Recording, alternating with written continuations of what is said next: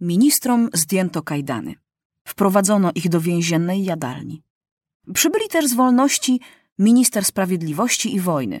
Straż z obnażonymi szablami zajęła swoje miejsca i zaczęła się narada. Maciuś ułożył w nocy taki plan. Y, wy będziecie się zajmowali dorosłymi, a ja będę królem dzieci. Jak będę miał 12 lat, będę rządził dziećmi do lat 12. Mm, Jak będę miał 15 lat, to do 15, a sam jako król mogę robić co chcę. A reszta niech będzie po staremu. Ja jestem sam mały i wiem, co jest potrzebne dla malców. I my byliśmy kiedyś mali, powiedział prezes ministrów. No dobrze, a ile pan ma lat? Czterdzieści trzy, powiedział premier. A dlaczego pan rządzi tymi, co są starsi od pana? A pan minister kolei jest młody, a kolejami jeżdżą i staruszkowie. A ministrowie powiedzieli: No, prawda.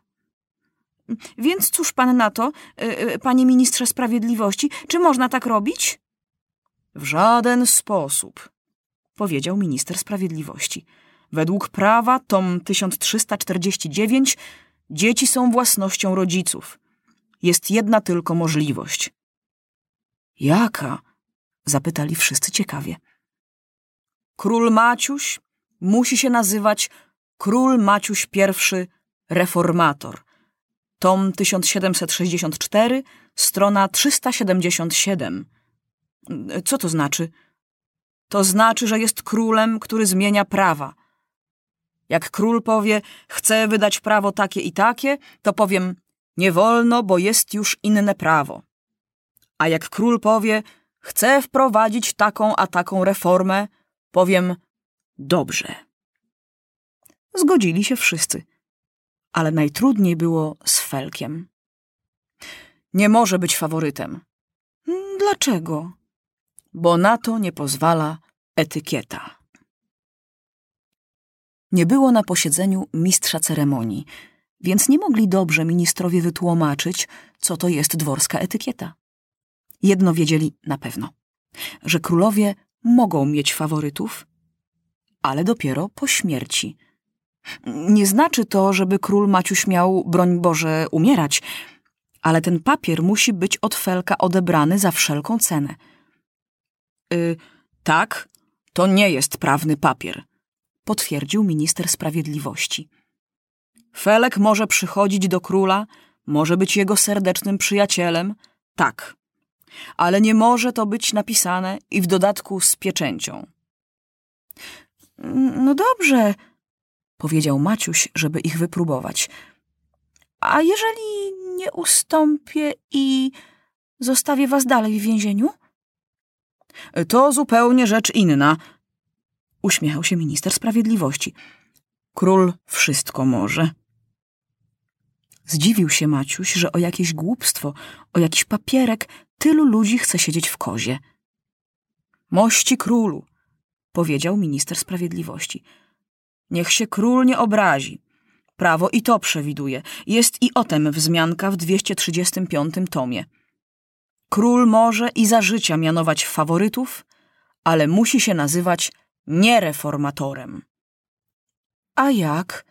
zapytał Maciuś niespokojnie, bo już się trochę zaczął domyślać.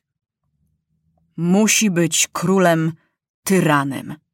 Maciuś wstał. Straż więzienna niespokojnie podniosła uzbrojone w więzienne szable ręce.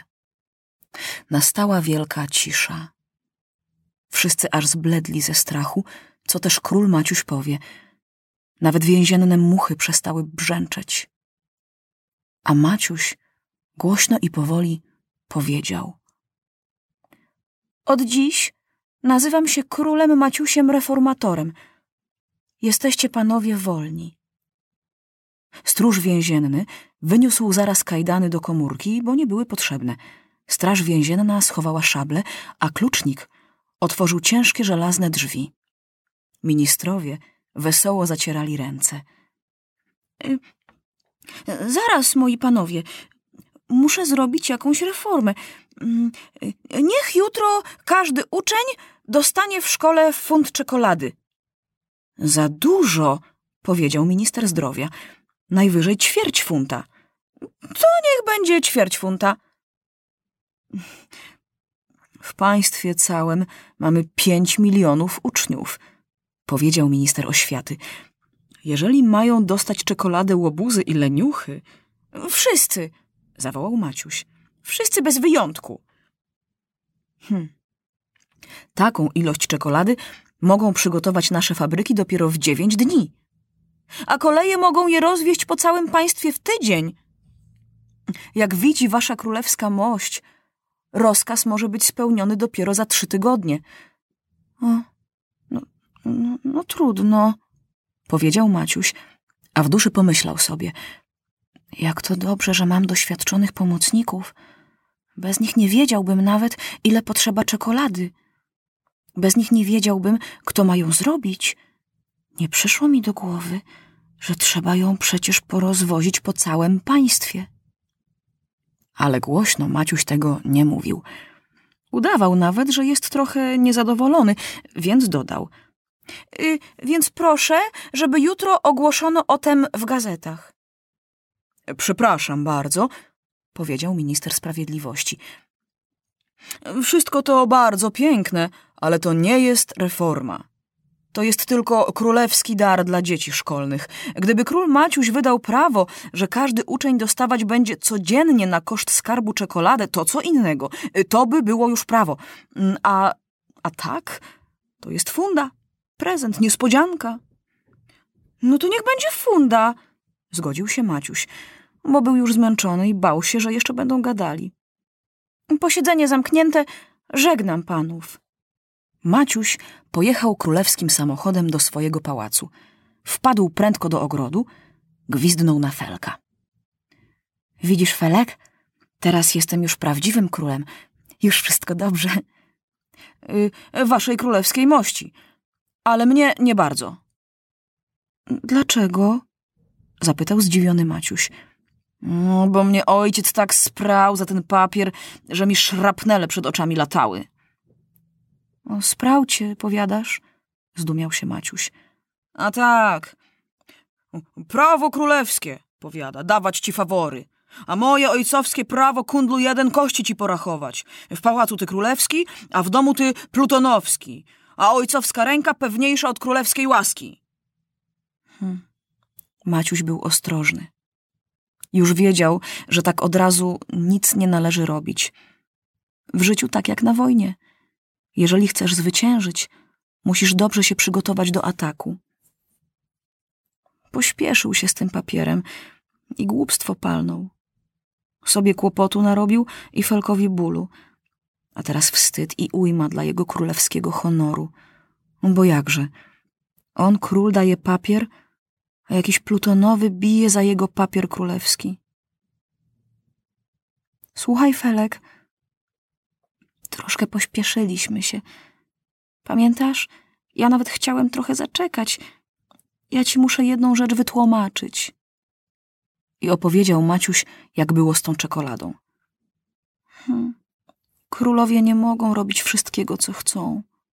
No, no tak, wasza królewska mość. Słuchaj, Felek, mów mi dalej po imieniu. Przecież razem wojowaliśmy. Przez ciebie z niewoli się wyrwałem. Rada w radę postanowili, że na odosobnieniu będą mówić sobie po dawnemu. Sztaba wali góra. Sztaba wyrwi dębie. Teraz lżej już było Maciusiowi odebrać nieszczęsny papier. Dam ci za ten papier łyżwy, dwie lanki, album z markami, palące szkło y, i magnes. Mm, a stary znów mnie zbije. Prawda, mój Felku. Bądź cierpliwy. Sam widzisz, że królowie nie mogą też tak od razu. Królowie muszą słuchać się prawa. A co to jest? Hm, sam jeszcze nie wiem dobrze. To są jakieś książki czy coś? No tak, powiedział smutnie Felek. Jak ty jesteś ciągle na posiedzeniach, to się po trochu uczysz wszystkiego. A ja co? Hmm, nie martw się, mój złoty Felku. Zobaczysz, że będzie dobrze. Jeżeli mogę rozdać pięciu milionom dzieci czekoladę, to przecież mogę i dla ciebie dużo dobrego zrobić. Tylko to musi być prawnie zrobione. Ty wcale nie wiesz, jak ja teraz długo wieczorami nie mogę zasnąć w łóżku. Leżę i leżę. I myślę, i myślę. I męczę się, żeby coś takiego zrobić, żeby wszystkim było dobrze. Teraz będzie już łatwiej, bo co ja mogłem wymyślić dla dorosłych? Papierosy im dam. Mają pieniądze, to sobie kupią. Wódkę dam. No to się popiją. I co będą mieli? Ja nie wiem, mówi Felek. Ty tak zaraz myślisz o wszystkich. Ja bym sobie tu kazał w parku zrobić huśtawkę, karuzelę z muzyką. Widzisz, Felek, ty nie jesteś królem, więc tego nie zrozumiesz. Dobrze, niech będzie karuzela. Ale nie jedna. Zaraz na przyszłym posiedzeniu powiem, żeby we wszystkich szkołach urządzić huśtawki i karuzele z muzyką. Ło, i kręgielnie, i strzelnice. No widzisz.